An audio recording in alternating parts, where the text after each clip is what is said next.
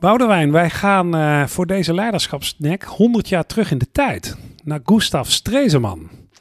Um, jij hebt hem aangedragen. Uh, en jij zei, ik vind het zo ongelooflijk knap wat hij heeft betekend voor de Weimar Republiek. Dat ik, toen wij dit afspraken, we gaan het over Stresemann hebben, heb ik me daar natuurlijk in, in verdiept. Um, en ik moet zeggen, ik ben het wel met je eens. Die man heeft wel een paar, maar daar komen we straks aan het eind wel op, een paar dingen gedaan die, denk ik, ongelooflijk leerzaam zijn om ze af te pellen. Um, maar misschien goed als jij eerst eens even voor de mensen die zeggen: Weimar, waar heeft die man het over? Uh, welke periode hebben we het en wat speelde er in die tijd? Ja, we gaan even terug uh, dan uh, iets meer dan 100 jaar geleden. Um, aan het einde van de Eerste Wereldoorlog was Duitsland natuurlijk verslagen. Ja. je kreeg de vrede van, van Versailles, waarbij ook aan Duitsland behoorlijke herstelbetalingen werden opgelegd.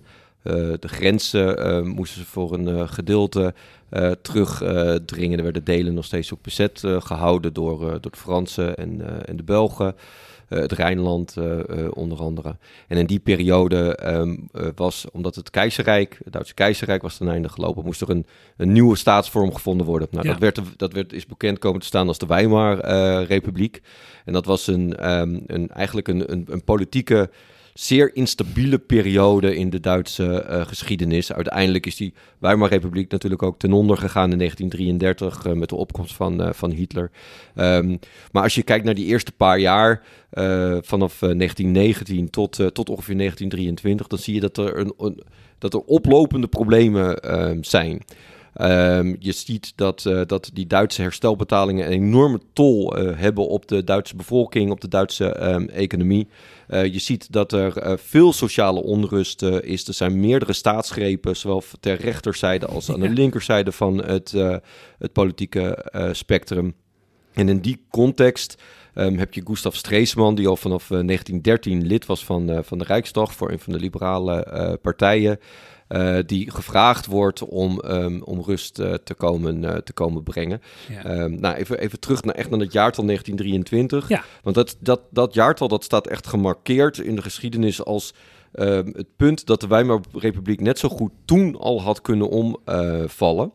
Uh, want we schrijven in 19, uh, januari 1923 dat uh, Frankrijk vanuit toch wel een soort woede dat de herstelbetalingen niet voldoende op gang komen, het Roergebied ook nog een keer gaan ja, bezetten. bezetten ja. Dat doet echt pijn, want dat is de motor van de Duitse economie. Dus mensen leggen daar hun werk ook neer. Die arbeiders worden nog steeds door de Duitse staat worden ze doorbetaald. dat trekt een enorme wissel um, op um, de inflatie die gaat uh, uh, plaatsvinden. En je ziet dat gedurende dat jaar uh, ook die, die inflatie enorme hoogtes gaat Kun je dat staatje wat ja, jij net... Al, ik was hem al even aan het opzoeken. maar even, de prijs van een brood. Nou, we weten ja. allemaal dat zit zo 2, 3 euro. Dan hoop je tegenwoordig nog een brood te ja, krijgen.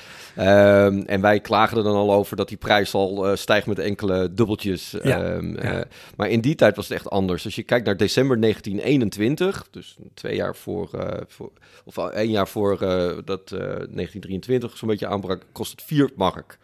Okay. Um, nou, dat is vergelijkbaar met wat je tegenwoordig bij de ja. associatie hebt. Een jaar later, december 1922, is die prijs al gestegen naar 163 mark. Mm -hmm. Dat gaat dan in um, een maand later, uh, dan leven we net in 1923, zit hij op 250 mark. In april 1923 474 mark. Maar dan, augustus 1923, 69.000 mark. En dan ja. uh, vervolgens november 1923, nou ik weet eventjes mijn mond, maar uh, dan is het, die prijs gestegen naar 201 miljard mark. mark. Kan je er iets bij voorstellen? Nee, nou, de stapel bank, bankbiljetten ja. is meer waard dan nou ja, goed, dat, dat ja. bedrag eigenlijk zo'n beetje. Dat is echt absurd. Ja, die, hè, dat is de hyperinflatie waar wij dan over spreken, die, die mensen vaak ook nog wel kennen. En weet je waarom, waarom het, weet je, je kunt zeggen, joh, gaan we nou zo'n zo'n zo'n tabelletje oplezen? Maar ik denk dat het relevant is, omdat het inderdaad even jezelf voorstellen dat je in de huidige tijd zoiets overkomt. Hè?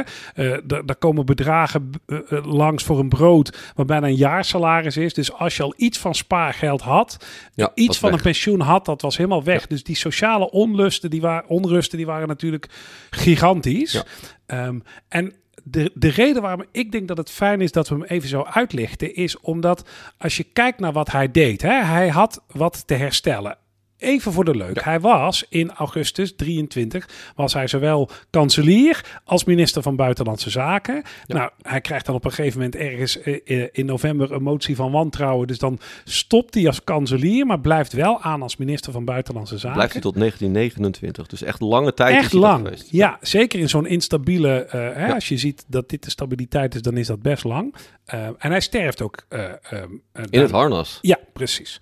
Dus dat, het is niet dat hij dat daarna van het toneel verdwijnt. Hij sterft in het harnas. Waarom is het zo relevant om dat te benoemen? Hij brengt namelijk stabiliteit, zowel in, in de binnenlandse politiek, uh, met die hyperinflatie. Hè, wat hij doet, is hij introduceert een rentemark, waarbij dan, eh, nou ik heb die wisselkoers even niet paraat, maar enkele miljoenen, miljarden mark weer kunnen worden ingewisseld voor iets van een nieuwe munt. Ja. Uh, dat doet hij door... Gekoppeld weer aan de goud, hè? Precies, aan de goudstandaard, ja. hè, met leningen vanuit de VS. Hè, dat is nou, het DOS-plan. later hebben wij het over uh, uh, de Marshall, het Marshallplan, maar dit was eigenlijk al een beetje een, een, een, een voorloper daarvan. Um, dat is wat hij in de binnenlandse politiek doet. Ja. Dus die inflatie wordt echt teruggedrongen hè, op die manier. Ja, en daarmee lukt het hem. En dat, ik snap ook dat dat nodig is. Hè. Ik bedoel, werkgevers, werknemers, iedereen staat tegenover elkaar. Want het is natuurlijk uitzicht, dit is uitzichtloos. Hè. Dit is uitzichtloos als in een maand de prijs van een brood zo stijgt... dat ja. mensen weten niet meer waar ze het moeten zoeken. Dus iedereen staat tegenover elkaar. En hij vindt dus een modus om stabiliteit te brengen. Ja. En dat zeg je heel goed. Het is stabiliteit. Ja, ja. Het is niet dat uh, in het uh, begin hadden we het heel eventjes over herstel. Ja. Maar het is stabiliteit wat hij brengt. Ja. Een groot verschil. Nou ja, zeker. En dat vind ik wel iets wat mij wel bezighoudt als je het hebt over deze man. Is, um, kijk, wij kijken natuurlijk terug met de kennis van nu. En wij weten dat in uh, uh, 33 Hitler aan de macht komt. En dat hij in de jaren daarvoor met zijn knokploegen die onder. Hè, dus dat, dat weten we allemaal nu. En wij weten dat er in 1929 een grote beurskracht is in de VS. En als je dan weet dat zijn herstelplan voor een deel werd gefinancierd door leningen vanuit de VS, die dan natuurlijk ook hun geld terug willen zien, snappen we dat het weer mis. Dat weten wij nu. Uh, dus je, je kunt zeggen, ja, hij bracht stabiliteit, maar daar bleef het ook bij. Dus dan zou je hem bijna kunnen uh, afserveren als van ja, net niet helemaal succesvol. Dat, dat zou onterecht zijn, ja. denk ik, omdat hij ja, hij, hij deed wat nodig was. Ja, we hebben nog eventjes voordat we... Ja? Want, want je praat al een heel klein beetje naar een, naar een, naar een soort, soort einde toe. Maar even, nee. want we hadden het over de interne, wat ja, hij zeker, daar gedaan zeker. heeft. Nee. Maar in het buitenlandse oh, heeft hij natuurlijk ook gewoon echt Absoluut. heel veel gedaan. Want uh, je had die, die, die interne problemen, dat is die, die hyperinflatie, die Ja. sociale partners die tegenover elkaar komen te staan, die politieke instabiliteit van die mensen die de macht proberen te grijpen, politiek geweld, dat kunnen we ons niet meer voorstellen, was aan de orde van de dag. Mensen werden gewoon vermoord. Politieke tegenstanders, die, die ging je niet alleen met woorden, uh, probeerde je die uit de weg te ruimen, maar die probeerde je letterlijk uit de weg uh, Ja. te ruimen. Maar daarnaast heeft hij, Ja. dat zei in het begin zei Nee, heel mooi, hij heeft ook die buitenlandse uitdaging heeft hij echt. Hij heeft te maken gewoon met een, een Frankrijk en een België en een Engeland, wat die herstelbetalingen Ja. gewoon probeert af te eh, dwingen. En, daar, en dat kan je beter vertellen dan ik, maar dat, dat, dat, Hmm. ja, kan hij, heeft hij ook hele, hele mooie stappen ingezet. Nou, nee, maar Voor goed. als je in die tijd kijkt, hè? Zeker. Nee, want terecht dat je het aanhaalt. Want hè, het pact van Locarno, dat staat natuurlijk... eh, hè, mensen die, eh, eh, die kennen dat denk ik wel. Want daarmee heeft hij eh, in ieder geval de westgrens van het Duitse Rijk... gewoon echt wel afgezegend. Hè. Er werd echt afgesproken, België, Frankrijk vallen niet meer binnen. Ehm, eh, die, die grens blijft wat die is. Er zijn ook garanties afgegeven Ja. over de oostgrens. Dat is overigens wel een grappige, want daar waar het pact helder is over die oostgrens, die laat je ook. Hè, daar worden garanties gegeven door met name Frankrijk aan Polen en Tsjechoslowakije.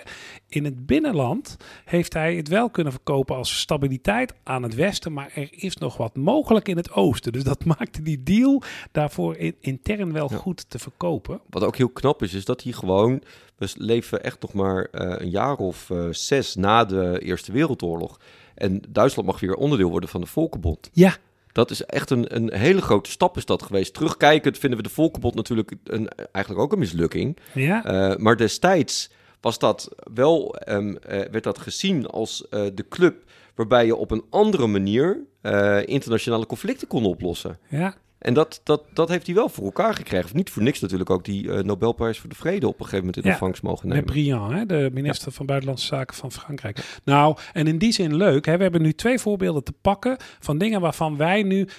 Je hoort het ook in de intonatie die wij kiezen. Hè. Het, is, het is een soort van allemaal net niet. Hè. Die steun, dat Dawes-plan bijvoorbeeld. Het Marshallplan kennen we. Want daar, is het, daar hebben ze het echt goed gedaan. Maar het is dus daar al een keer geprobeerd. En ze zagen dat dat net even anders, net even steviger moest met die Marshallhulp. Met Volkerbond, later natuurlijk de Verenigde Naties, ook net even beter, net even steviger. Dus ja, je kunt dan iets vinden van ja, het was net niet goed genoeg. Of je kunt ook denken, nou, ze hebben daar mooi uh, dingen gedaan. Ik wil naar de lessen. Lessen die we kunnen trekken als hedendaagse leiders uit Streseman. En wat ik mooi vind, uh, is dat hij deed wat nodig was. Ik kijk even naar die hyperinflatie. Hij bracht rust en die was nodig. Het was misschien niet de sleutel tot herstel, maar als hij het niet had gedaan, was het op zeker geëscaleerd, zeggen wij. Hoewel we niet te graag aan als dan his historie doen.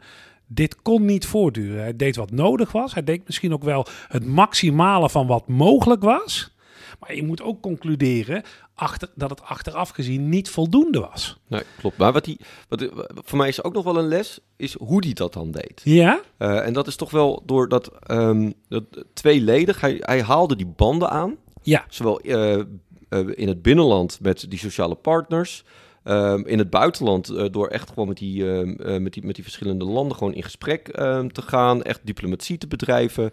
en, maar de keerzijde daarvan was, dus het tweede punt, hij maakte zich kwetsbaar daardoor. Ja. En dat, dat had heel goed uit kunnen pakken. dat is nu niet gebeurd achteraf, maar destijds, dat zeg je heel uh, terecht, hij moest op dat moment moest hij, uh, moest hij acteren, op dat moment moest hij gewoon wat doen. En um, hij kon niet overzien dat uh, door zich afhankelijk te maken van die Amerikaanse leningen, door zich afhankelijk te maken van bepaalde uh, ja. ook binnenlandse uh, relaties, kon hij niet voorzien dat dat ja, achteraf gezien minder goed zou gaan uitpakken. Op dat moment denk ik dat hij niks anders had kunnen doen. Nee. Dat is heel knap dat hij dit op deze manier net zo na die Eerste Wereldoorlog, nog maar enkele jaren daarna, dat de pijn echt nog steeds gevoeld werd door, door al die groepen in Duitsland, maar ook in het buitenland, dat hem dat gewoon gelukt is. Ja, maar daarom koos ik ook voor die wo woorden. Hij deed wat nodig was ja, en hij deed wat maximaal ja. mogelijk was op dat moment. En mijn afdronk is een beetje, dan moeten wij naar een afronding. Ja. Maar mijn afdronk is een beetje, hedendaagse leiders worden nog wel eens afgerekend met de kennis van een later moment. Terwijl er, soms moet er gewoon iets gebeuren. En past het misschien wel? Is het misschien niet zozeer een les aan de hedendaagse leiders, maar wel aan de hedendaagse mensen rondom die leiders? Dat je wel met mildheid zou kunnen kijken naar dat wat er destijds, wat er dan gebeurd is. Hè? Want als, als je doet wat nodig is, je doet ook nog wat maximaal mogelijk is, wat kun je dan meer van mensen verwachten? Ja, en dat er dan misschien daarna weer dingen gebeuren die maakten dat het toch niet voldoende was. Ja als je het maximaal hebt gedaan, dan heb je het volgens mij goed gedaan. Dus ik, ik vind het echt inspirerend om over hem na te denken in, uh, in het licht van de huidige tijd. Dus, ja, zeker weten. Dankjewel.